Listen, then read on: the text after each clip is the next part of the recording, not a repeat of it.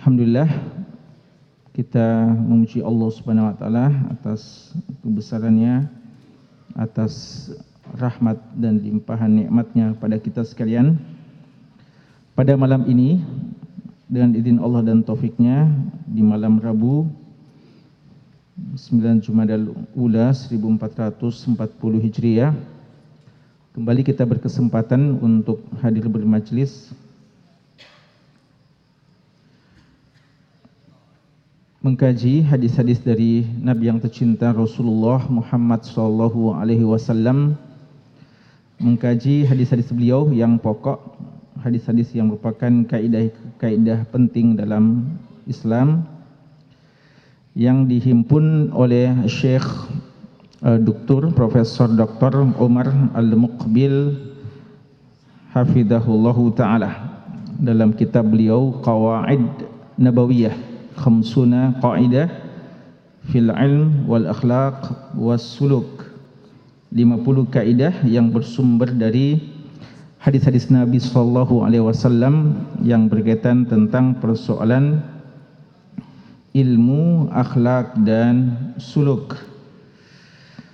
Hadirin sekalian, pada perjumpaan kita yang paling terakhir malam Rabu yang lalu, kita sudah mulai membahas kaidah yang ke-45 Al-Qaidatu An-Nabawiyatu Al-Khamisatu Wal-Arba'un.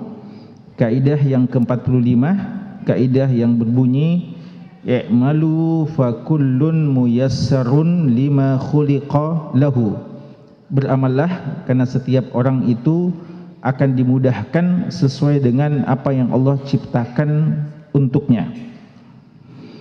Kita sudah sebutkan bahawa kaidah ini berasal dari sebuah hadis yang diriwayatkan oleh Imam Bukhari dan Imam Muslim dari sahabat yang mulia Ali bin Abi Thalib radhiyallahu taala anhu yang menceritakan ketika Nabi sallallahu alaihi wasallam satu hari duduk-duduk dengan para sahabatnya dalam penguburan jenazah salah seorang sahabat.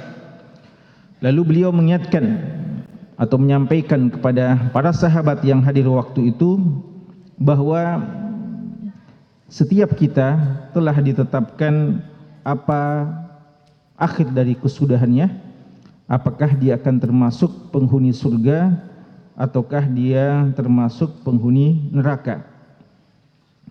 Lalu pada saat mendengarkan pernyataan ini sebagian sahabat bertanya dan ini pertanyaan bagi kita adalah pada tempatnya atau pertanyaan yang wajar untuk diutarakan, ditanyakan.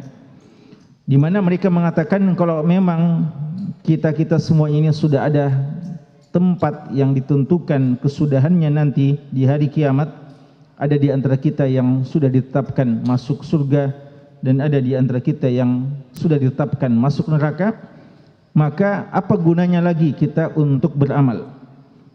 Karena ujung-ujungnya kita akan menuju ke tempat yang memang sudah ditetapkan bagi kita. Lalu Nabi sallallahu alaihi wasallam mau mengajarkan kepada para sahabat dan kepada kita semua umatnya bahawa tidak demikian dalam memahami takdir Allah Subhanahu wa taala. Takdir Allah konsep takdir beriman kepada takdir yang diajarkan oleh ahlu sunnah wal jamaah oleh ajaran Islam adalah meyakini bahawa semua yang terjadi yang telah terjadi, yang sedang terjadi dan yang akan terjadi semuanya adalah ketentuan dari Allah Subhanahu wa taala. Termasuk di antaranya adalah apa kesudahan kita di hari kiamat kelak. Namun kita tidak mengetahuinya apa rahasia Allah terhadap kita maka kita diperintahkan untuk berupaya berusaha menuju yang terbaik dan seseorang akan dimudahkan sesuai dengan apa yang telah Allah takdirkan baginya. Dan khusus kalian sudah juga dijelaskan bahawa dengan memahami hal ini yang kita dituntut untuk berusaha ya untuk berusaha. Karena kita diperintahkan untuk terus bekerja beraktivitas.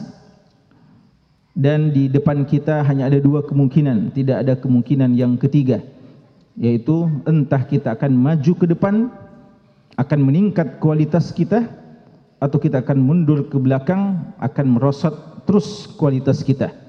Allah mengatakan, liman syaa minkum an yataqaddam aw yata'akhkhar.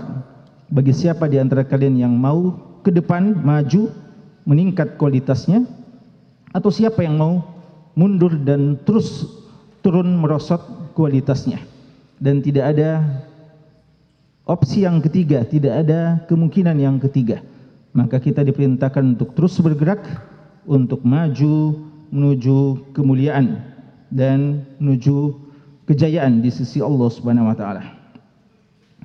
Dan juga jemaah sekalian hadis kita ini menjelaskan kepada kita sebagaimana yang disebutkan oleh Syekh bahwa potensi-potensi yang kita miliki ketika kita kembangkan dan kita mengerjakan amalan-amalan yang telah Allah takdirkan bagi kita, yang Allah mudahkan bagi kita dan terus kita menggali potensi-potensi kita, maka Allah Subhanahu wa taala akan menghisapnya akan menghisapnya akan memberikan pahala jika yang kita lakukan adalah kebaikan dan sebaliknya Allah Subhanahu wa taala akan menghisapnya dengan dosa-dosa jika kita yang lakukan adalah perbuatan-perbuatan yang melanggar syariat Allah.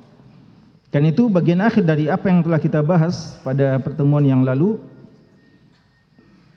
Kita sudah sebutkan mengutip apa yang dijelaskan oleh Syekh bahwa orang yang menginginkan Allah dan meniatkan amalannya karena Allah dan senantiasa berupaya untuk meraih ridha Allah maka biidznillah akan mendapatkan taufik dari Allah Allah akan menjadikan dia cinta kepada keimanan dan keimanan menjadi manis baginya.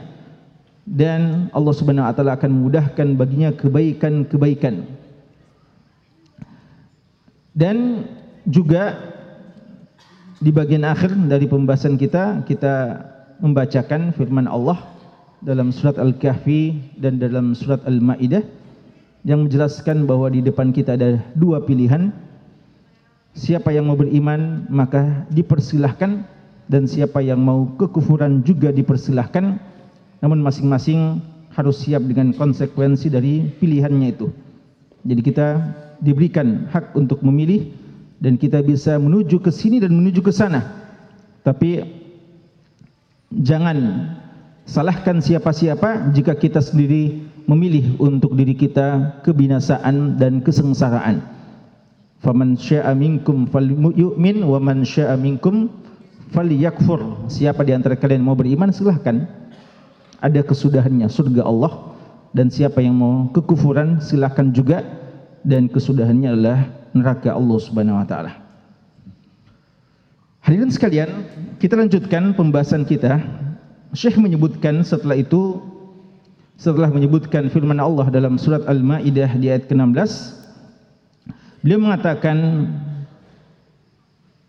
bahwa takdir yang Allah tetapkan bagi hamba-hambanya ini dalam seluruh keadaannya, seluruh perbuatannya dan seluruh sifat-sifat hamba tersebut. Jadi takdir Allah kepada hamba-hambanya itu berlaku untuk semua hal, keadaan-keadaannya, sifat-sifatnya, perilaku dan amalan-amalannya. Sampai kata beliau, merupakan takdir Allah adalah al-ajsu wal kais. Al-ajsu wal kaisu. Al-ajz kelemahan, ketidakberdayaan, ketidakmampuan seseorang wal kais dan kecerdasan. Itu juga adalah takdir Allah Subhanahu wa taala kepada hamba-hambanya. Jadi ada orang yang tidak punya kemampuan, tidak berdaya, lemah semangat dan lemah juga fisik tidak mampu untuk melakukan sesuatu wa al-kais dan kecerdasan itu juga adalah takdir Allah Subhanahu wa taala sebagaimana yang disebutkan dalam hadis yang diriwayatkan Imam Muslim Syekh menyebutkan uh, sabda Nabi sallallahu alaihi wasallam kullu syai'in biqadarin. Setiap sesuatu itu sesuai dengan takdir Allah. Artinya sudah ditetapkan oleh Allah takdirnya. Hatta al-ajz wal kais. Sampai al-ajz ketidakberdayaan ketidakmampuan kita. Wal kais dan kecerdasan. Ini juga sudah merupakan takdir-takdir Allah Subhanahu wa taala. Kata Syekh di sini dua sifat ini adalah sifat yang bertentangan. Al-wasfani al-mutadaddani. Dia adalah dua sifat yang bertentangan yang mana untuk sifat yang pertama yaitu al-ajz maka ujung-ujungnya adalah seseorang akan mendapatkan kegagalan dan kerugian sebaliknya sifat al-kays ketika dimiliki oleh seseorang maka kesudahannya adalah kesudahan yang baik yaitu di antaranya adalah al-jiddu fi ta'atir rahman akan menjadikan dia semangat bersungguh-sungguh dalam melakukan ketaatan kepada Ar-Rahman kepada Allah Subhanahu wa taala. Wal muradu huna al ajzu alladhi yulamu alaihi al abd kata syekh di sini al ajzu yang dimaksudkan di sini bukan adamul istita'ah tapi al ajzu yang dimaksudkan adalah tidak adanya semangat tekad yang kuat keinginan untuk melakukan kebaikan Adapun adamul istita'ah ini yang tidak disalahkan ya sebagaimana Allah katakan la yukallifullahu nafsan illa usaha. Allah tidak akan membebani kita. Allah tidak membebani kita melainkan kesanggupan kita. Allah tidak akan menghisap kita ketika kita tidak naik haji umpamanya karena kita tidak sanggup naik haji umpamanya. Allah tidak akan menghisap kita ketika tidak membayar zakat ketika memang kita tidak punya sesuatu yang bisa kita bayarkan untuk zakat harta kita. Tapi Allah Subhanahu wa taala menghisap ketika kita punya kemampuan tapi kita malas-malasan, tidak tertarik untuk melakukan hal tersebut. Ini yang disebut dengan al-ajz. Ya, dan ini yang dimaksud dalam hadis yang pernah kita bahas, wala ta'jaz. Al-mu'min qawi khairun wa habbu ila Allah min al-mu'min dhaif dan kita sudah sebutkan di antara semua makna kuat di situ, maka makna yang paling rajih di antara mukmin kuat adalah kuat semangatnya, kuat pendiriannya, kuat tekadnya. Karena dilawankan atau diperhadapkan dengan kemungkinan kedua orang-orang yang al-ajiz, orang yang tidak bersemangat, tidak bergairah untuk melakukan kebaikan-kebaikan dan ketaatan-ketaatan. Jadi kata beliau al-ajiz yang dimaksudkan adalah alladhi yulamu alaihi al-abdu wa huwa adamul iradah. Jadi sesuatu yang dicela seseorang ketika memilikinya yaitu tidak adanya keinginan, tidak adanya tekad, wal kasal dan kemalasan. Lal ajsul ladzi huwa adamul qudrah, bukan al ajz kelemahan yaitu orang yang tidak mampu memang melakukan ketaatan. Kata beliau, Amma ahlus sa'adah fayasiruna li amalis sa'adah wa tilka yaksibuhum uh, wa tilka bikaisihim wa taufiqihim wa lutfillahi bihim. Itu tadi orang yang celaka. Adapun orang yang bahagia adalah mereka-mereka yang berjalan untuk melakukan amal-amal yang menuju kebahagiaannya dan itu disebabkan karena kisnya, kecerdasannya dan taufik Allah Subhanahu wa taala dan kelembutan Allah terhadapnya.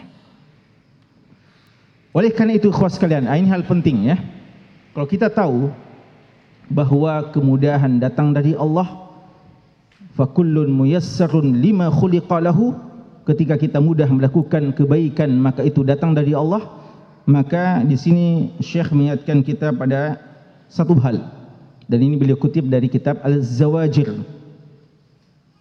An iqtiraf al-kabair. Ya kitab dari al-imam Ibnu Hajar al-Haytami rahimallahu taala. Beliau katakan dan ini perlu diperhatikan ya agar kita tidak tertipu pada diri kita sendiri. Al-Imam Ibnu Hajar al-Haytami yang dikutip oleh Syekh di sini beliau mengatakan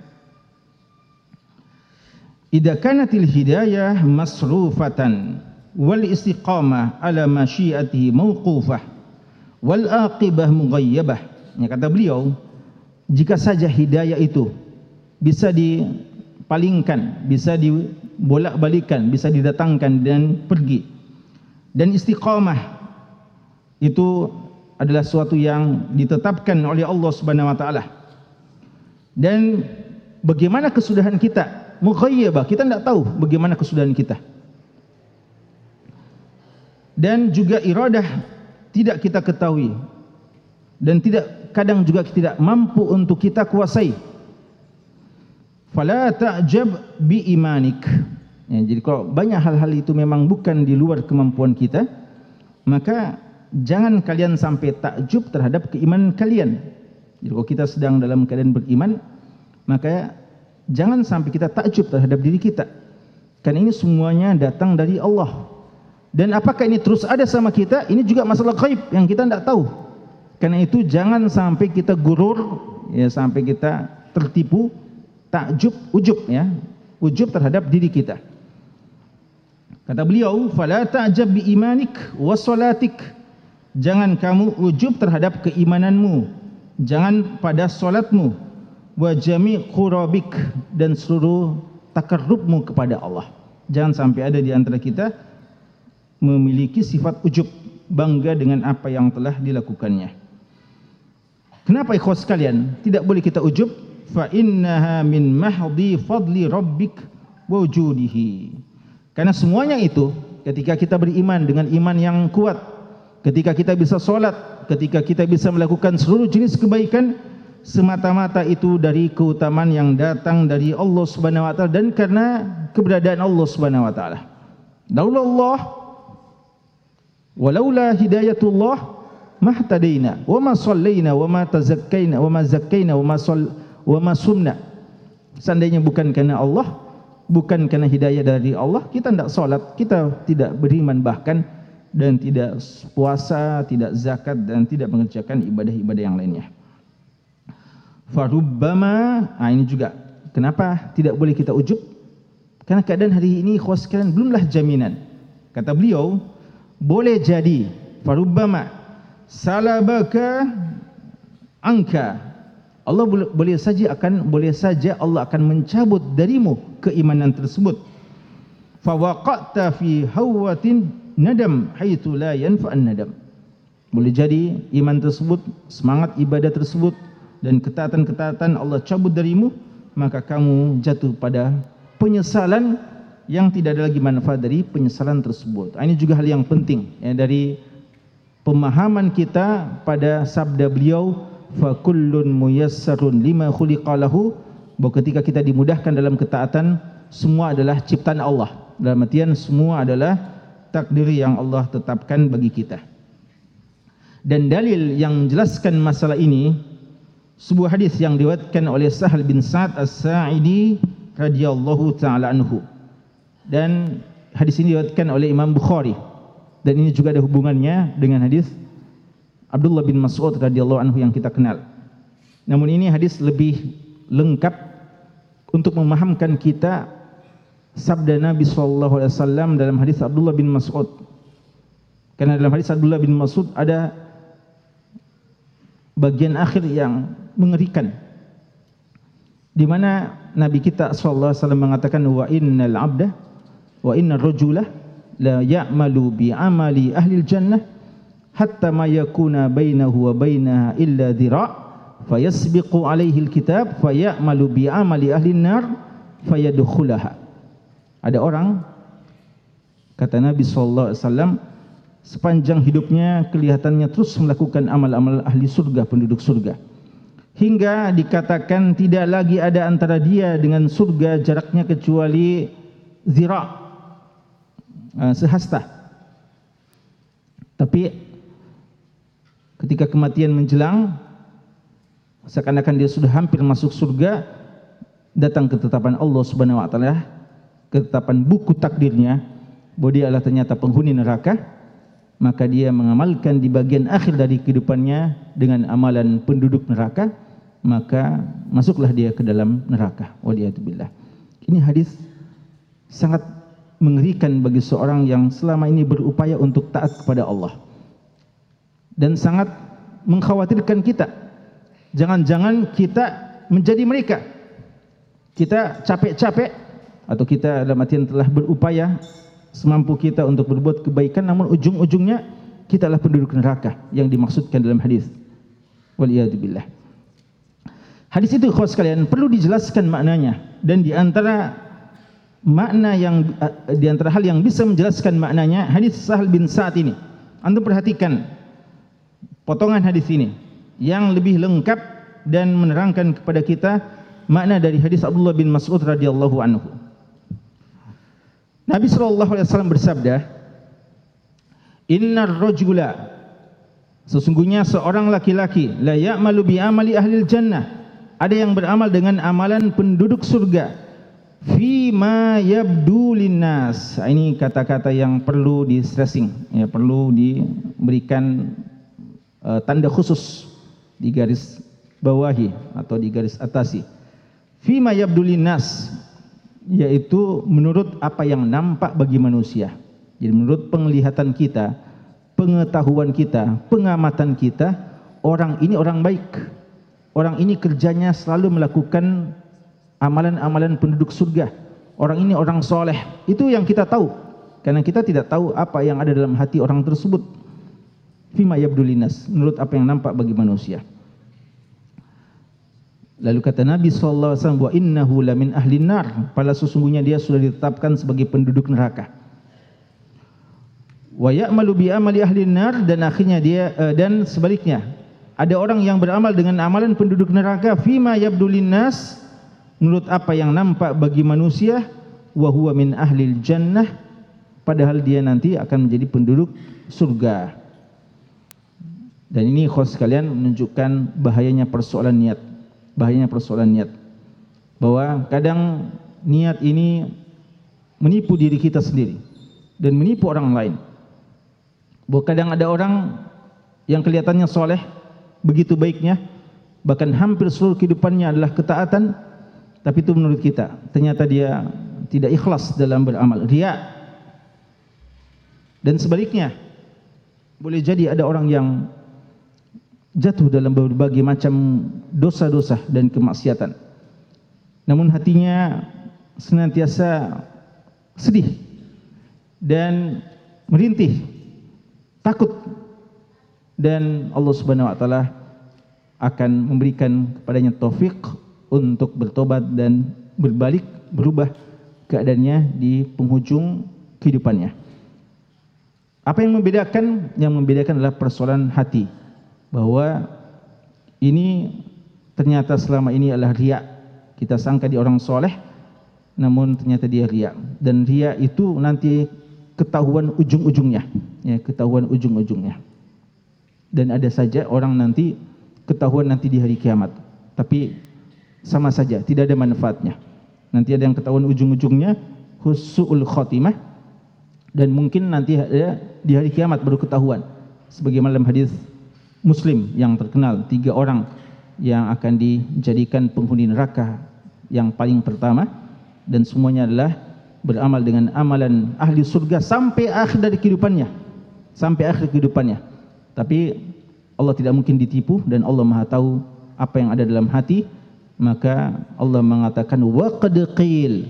Semua yang menjadi tujuanmu selama ini kamu berjihad untuk dikatakan jagoan mujahid kamu berinfak untuk dikatakan dermawan kamu menuntut ilmu untuk dikatakan seorang qari seorang alim itu semuanya sudah kalian dapatkan di dunia sudah habis seluruh impian-impian duniamu sudah kamu dapatkan maka tidak ada lagi bagianmu kecuali neraka Allah Subhanahu wa taala. Jadi kawan sekalian uh, hal ini juga perlu untuk diperhatikan terkait dengan masalah ini. Kemudian di antara hal yang penting untuk kita perhatikan terkait dengan kaidah ini. Nah, ini termasuk masalah-masalah yang menjadi bagian akhir dari pembahasan kita adalah dari kaidah yang mulia ini khas kalian i'malu fa kullun muyassarun lima khuliqa lahu maka ini memberikan isyarat yang harus menjadi titik perhatian bagi para bapak-bapak orang tua wal murabbin dan kita para murabbi-murabbi para ahli pendidik, para guru, para ustaz, para dai, para alim ulama dan para murabbi. Kata Syekh, intibahul aba wal murabbin. Apa itu? Masalah yang sangat penting, yang sangat-sangat penting. Yang seharusnya dia perhatikan untuk suksesnya tarbiyah yang dia upayakan selama ini. Ya, kita sebagai orang tua terus berupaya mentarbiyah anak-anak kita, keturunan kita dan keluarga kita. Dan para murabbi-murabbi juga demikian, guru, pendidik, murabbi, ya dai dan seterusnya. Ada satu hal yang perlu diperhatikan bagi setiap kita para pendidik. Apa itu? Muhawalatu al-kashfi an muyulil mutarabbi. Seharusnya kalau kita tahu bahwasanya setiap orang itu akan dimudahkan sesuai dengan uh, khuliqalahu apa yang telah ditakdirkan. Berarti manusia-manusia itu akan ada hal-hal yang mudah baginya. Berarti seorang murabbi, seorang bapa, seorang pendidik itu perlu muhawalah. Apa artinya muhawalah? Mengusahakan, mengupayakan al-kashf menyingkap an muyulil mutarabbi. Apa muyulnya mutarabbi kita? Apa uh, kecenderungannya? Apa minatnya mutarabbi kita? Mesti kita tahu. Mereka itu tidak sama. Fa kullun setiap orang muyassarun lima khuliqalahu. Maka kita sebagai pendidik harus mengetahui muyul mutarabbi kita. Wa ma'rifah jawani bil ibda' indahu. Kita harus tahu apa potensi-potensi yang perlu digali dari mutarabbi kita. Fa idza arafa hal murabbi sa'a fi tatwiriha lahu. Ah, ketika kita tahu, ketika seorang bapak ya, kita sebagai seorang bapak melihat anak-anak kita kita akan tahu anak kita ini tidak sama modelnya. Ada yang begini, ada yang begitu, ada yang kecenderungannya begini.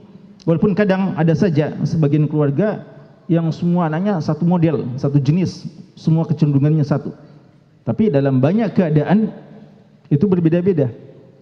Sama dengan anak didik kita di kelas, anak didik kita di tarbiyah, halaqah-halaqah kita dan umat secara umum yang kita bina dan yang kita tarbiyah, yang kita dakwai mereka-mereka itu berbeda-beda. Maka kita harus mengupayakan untuk mengenalinya. Dan inilah manfaatnya halaqah tarbiyah. Ya. Karena tidak mungkin bisa kita kenali semua manusia. Karena itu perlu ada pertemuan-pertemuan, ada halaqah-halaqah yang kecil untuk mengetahui mereka-mereka itu. Di sini dikatakan, ketika kita sudah tahu minat, kemampuan, bakat, kecenderungan, sarafa laha al-waqh al-akbar. Kita harus mengkhususkan waktu yang lebih besar untuk itu.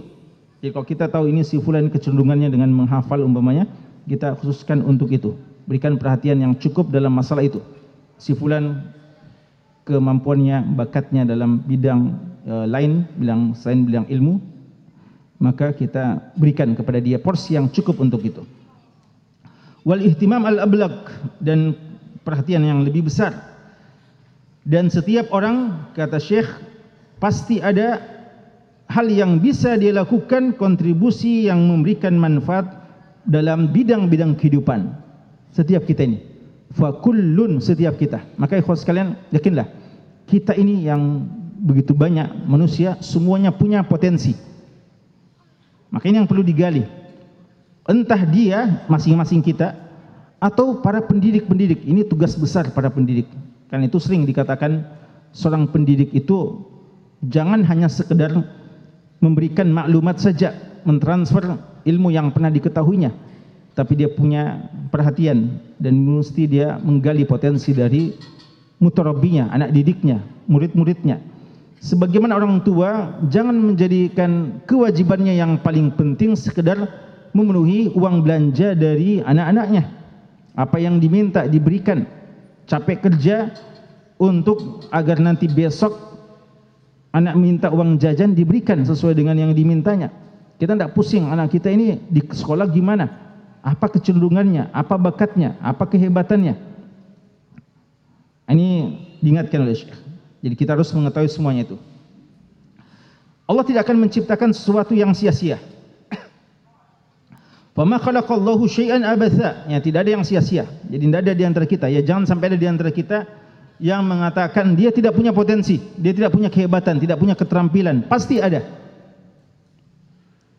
Was'id dan orang yang bahagia yaitu orang yang bisa menyingkap bidang-bidang yang mampu dia memberikan sesuatu dalam uh, bidang-bidang kehidupannya uh, dalam takhasusnya spesialisasinya dalam waktu yang cepat dalam umurnya nah, ini juga memang ya kadang kita terlambat tahu kadang kita terlambat dalam menggali potensi kita ya nanti ketahuan akhirnya maka kata Syekh di sini orang yang paling beruntung, orang yang paling bahagia yang sejak awal bisa dia ketahui dirinya sehingga sejak awal dia bisa arahkan, ya. Kan kadang kita berpikir seandainya sejak awal kita tahu si fulan ini mungkin sudah bisa jadi ulama, bisa menjadi orang yang yang berhasil, orang gini dan begitu.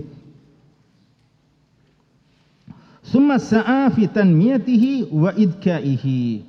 Kemudian kalau sudah diketahui maka dia akan berusaha untuk terus mengembangkan potensi itu dan menambah kecerdasannya. Dari mana dasarnya perkataan kita ini pernyataan kita?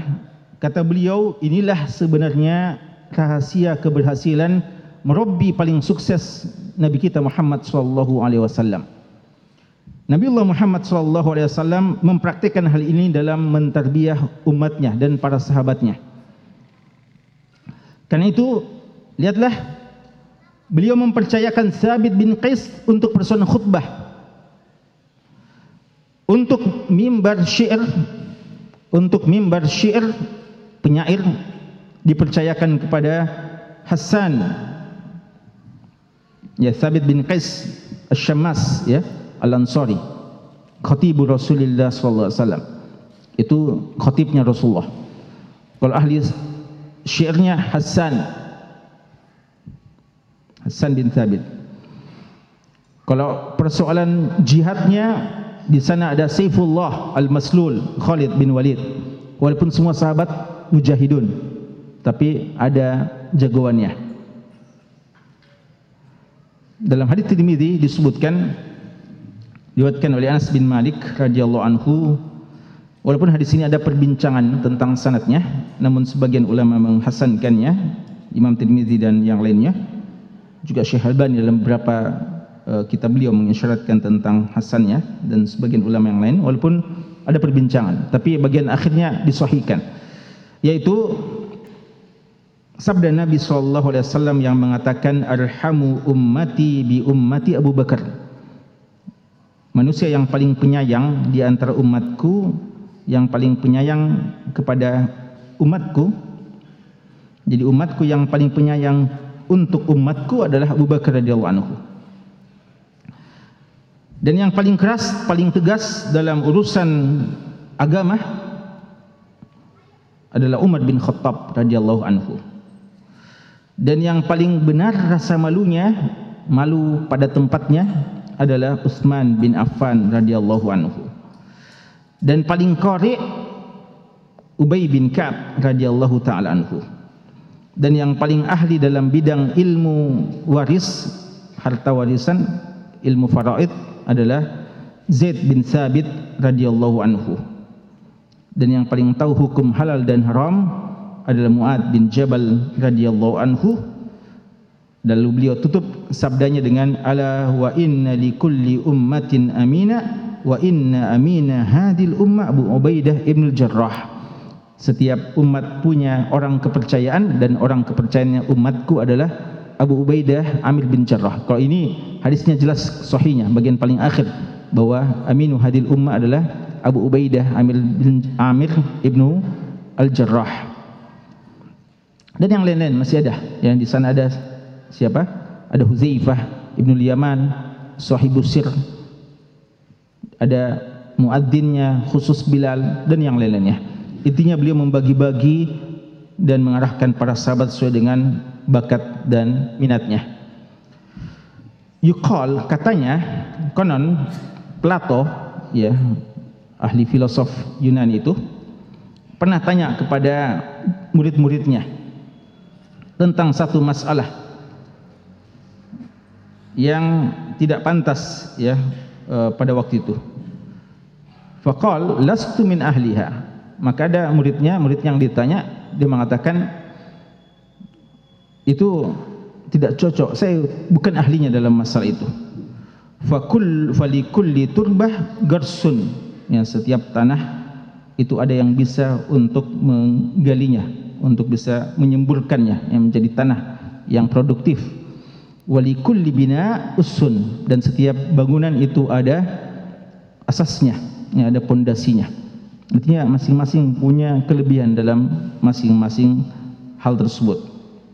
Waqil dan katanya tasaffah tullab ilmik kama tatasaffah khuttabah huramik. Tasaffah apa artinya tasaffah? Uh, buka-buka ya halaman bukumu artinya kenali kuasai.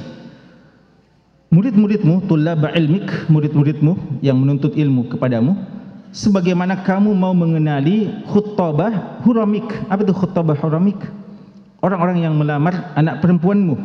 Ya kalau ada orang melamar anak perempuan kita kita tidak akan langsung terima. Kita mau telusuri siapa dia sebenarnya.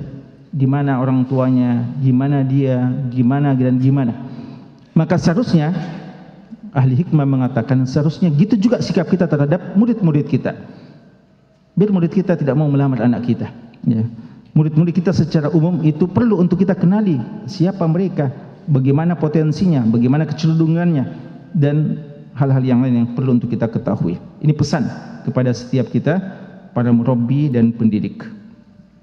Yunus bin Habib pernah selalu mendatangi Khalil.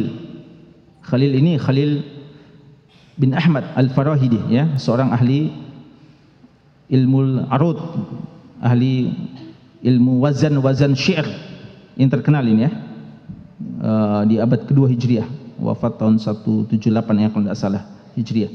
Beliau ini ahli arut ilmu wazan-wazan syair itu ya, yang mana basit, yang mana wafir, yang mana tawil dan seterusnya bahar. Orang ini Yunus ini merasa kesulitan uh, orang ini susah bisa memahami ilmu yang diberikan oleh Khalil maka Khalil ini sebenarnya sudah tahu kayak ini tidak berbakat ini untuk mengambil ilmu saya. Tapi dia juga tidak sampai hati kalau bilang tidak usah belajar, kamu tidak punya bakat.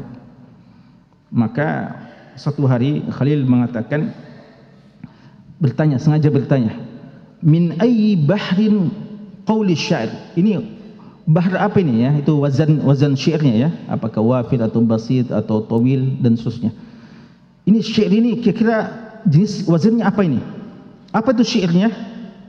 Sengaja beliau angkat contoh syair ini. Syair yang mengatakan idza lam tastati syai'an fada'hu. Kalau kamu tidak bisa menguasai sesuatu, tinggalkan dia. Wajawizhu. Pergilah tinggalkan ila ma tastati'u menuju sesuatu yang kamu sanggupi. Ya, jadi beliau kasih contoh ini. Akhirnya paham beliau. Oh ternyata ini beliau maksudkan saya ini. Ya, bahwa bukan beliau mau tanya ini jenis wazan apa sebenarnya, tapi beliau maksudkan saya bahwa kalau memang tidak ada bakat sini maka tidak usah paksakan pergi saja ke cari ilmu yang lebih tepat. Ya. Ini penting juga ikhwas sekalian. Ya bahwa jangan kita berlama-lama walaupun memang kadang ilmu juga perlu digali ya. Tidak boleh kita putus asa.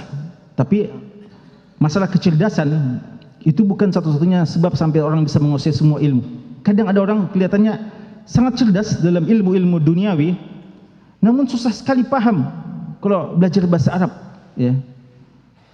Katanya cerdas, kuat hafalannya. Kalau dalam mungkin orang bilang cocok masuk ilmu ilmu kedokteran. Dia bisa hafal semua itu buku-buku. Tapi kalau disuruh menghafal Quran tidak bisa. Ya. Sebagai, sebaliknya ada juga yang dikatakan ini kuat sekali hafalan Quran ini ini cocoknya mungkin masuk kedokteran. Ya. Tapi ternyata tidak bisa paham dan seterusnya. Dan ada orang yang bisa menguasai semuanya. Jadi tidak bisa dipaksakan.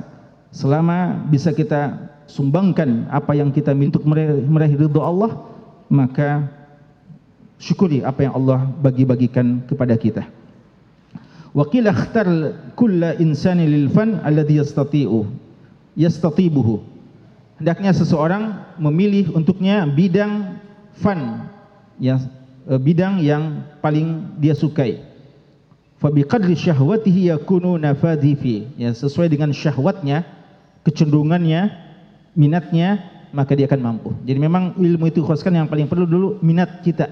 ya, semangat dan lalu uh, bakat bisa akan digali setelah, setelahnya. Diriwayatkan dari Isa alaihissalam, beliau mengatakan la tadaul hikmah fi ghairi ahliha. Jangan kamu, ya kami bacakan saya langsung, ya waktu yang sudah terbatas. Beliau katakan, jangan kamu mencari hikmah pada bukan ahlinya, karena kamu akan mendolimi hikmah tersebut. Sebagaimana jangan kamu menghalangi hikmah pada ahlinya, karena kamu akan mendolimi mereka-mereka itu. Artinya berikan ilmu. Kalau ilmu itu cocok kepada si fulan, berikan. Jangan kamu halangi mereka. Sebagaimana jangan kamu paksakan ilmu kepada seseorang yang tidak bisa menguasainya. Maka jadilah seorang at-tabib al-hadiq, seorang dokter yang cerdas yang akan memberikan resep obat sesuai yang akan bermanfaat kepada sang pasiennya. Dan dalam apa yang kita sebutkan ini kuas sekalian, termasuk hadis kita ini, ini sesuai dengan firman Allah Subhanahu wa taala senada dengan firman Allah dan ini beliau sebutkan juga dalam kawaid Qur'aniyah firman Allah Subhanahu wa taala qad alima kullu unasim mashrabahum. Setiap orang sudah tahu tempat-tempat minumnya. Ya setiap orang sudah tahu tempat minumnya. Artinya hendaknya setiap kita ini tahu diri dia cocoknya di bagian mana. Sehingga dia syukur kepada Allah dan puas terhadap pembagian Allah tapi dia berupaya menjadi yang terbaik pada posisi yang dia tempati itu. Ya, kemudian maknanya adalah setiap orang hendaknya beramal sesuai dengan uh, apa yang cocok baginya dan sebagaimana juga kafir orang kafir akan beramal sesuai dengan apa yang sesuai dengan uh, jalan mereka. Kullu mri'in yushbihuhu fi'luhu ma yaf'al marhu fa huwa ahlu. Ya jadi seseorang akan uh, sesuai dengan apa yang dia lakukan dan seseorang akan melakukan apa yang memang dia ahli baginya. Maka kata syekh uh, dalam bagian akhir dari penjelasan ini beliau mengatakan maka wahai orang yang mendapatkan taufik dari Allah bacalah sabda Nabi sallallahu alaihi wasallam ini i'malu fa kullun muyassarun lima khuliqalahu beramallah setiap orang akan dimudahkan sesuai dengan apa yang telah ditetapkan baginya. Maka beramallah jangan sampai kamu putus asa dan jangan sampai kamu ah, ini juga penting ya. Ini yang paling penting. Jangan ada sampai di antara kita mengatakan ketika diajak beramal soleh diajak melakukan kebaikan lalu dia mengatakan ana maktubun fil ashqiya. Saya ini orang yang memang sudah tercatat takdir saya termasuk orang-orang yang celaka, orang yang sengsara. Maka untuk apa saya beramal? Kau sekalian, apakah anda pernah mendapatkan tulisan dari Allah dan ketetapan dari Allah bahwasanya kamu termasuk orang-orang yang celaka? Apakah kamu pernah membaca namamu dalam lauh mahfuz bahawa kamu memang adalah penghuni neraka? Dan apakah kamu mendengarkan dan mengetahui bahawa malaikat pencatat waktu umur anda di janin 120 hari? Apakah anda telah membaca di perut dan di rahim ibu anda bahawa malaikat telah mencatat bahawa anda adalah termasuk orang yang rugi? Tentu saja jawabannya tidak. Kita tidak mengetahui semuanya itu. Maka tidak ada alasan bagi kita untuk pasrah dan siap-siap untuk menjadi penghuni neraka. Waliyadzubillah.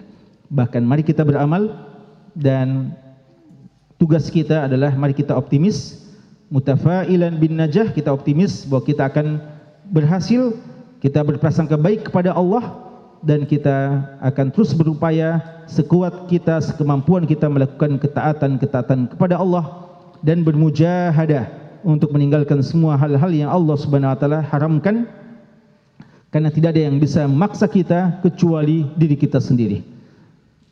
Dan uh, tidak ada yang bisa menghalangi kita kecuali diri kita sendiri dan godaan-godaan dari syaitan. Maka mintalah bantuan kepada Allah dari dari musuh-musuhmu dan jangan kita sampai putus asa karena Allah Subhanahu wa taala akan memberikan kemudahan kepada kita. Di sini sebagai penutup beliau mengutip dua firman Allah dalam surat Maryam ayat ke-76 wa yazidullahu alladhina ihtadaw huda. Allah akan menambahkan kepada orang yang mencari hidayah hidayah. Dan firman Allah dalam surat Muhammad wa atahum taqwahum. Ya. Walladzina ihtadau zadahum huda wa atahum taqwahum. Orang yang senantiasa berjalan di atas hidayah zadahum huda Allah akan menambah kepadanya petunjuk dan Allah akan menambah kepadanya mendatangkan kepadanya ketakwaan jadi kapan Allah melihat kesungguhan kita Allah akan mendatangkan kebaikan-kebaikan dan menambahkan hidayahnya untuk kita semuanya.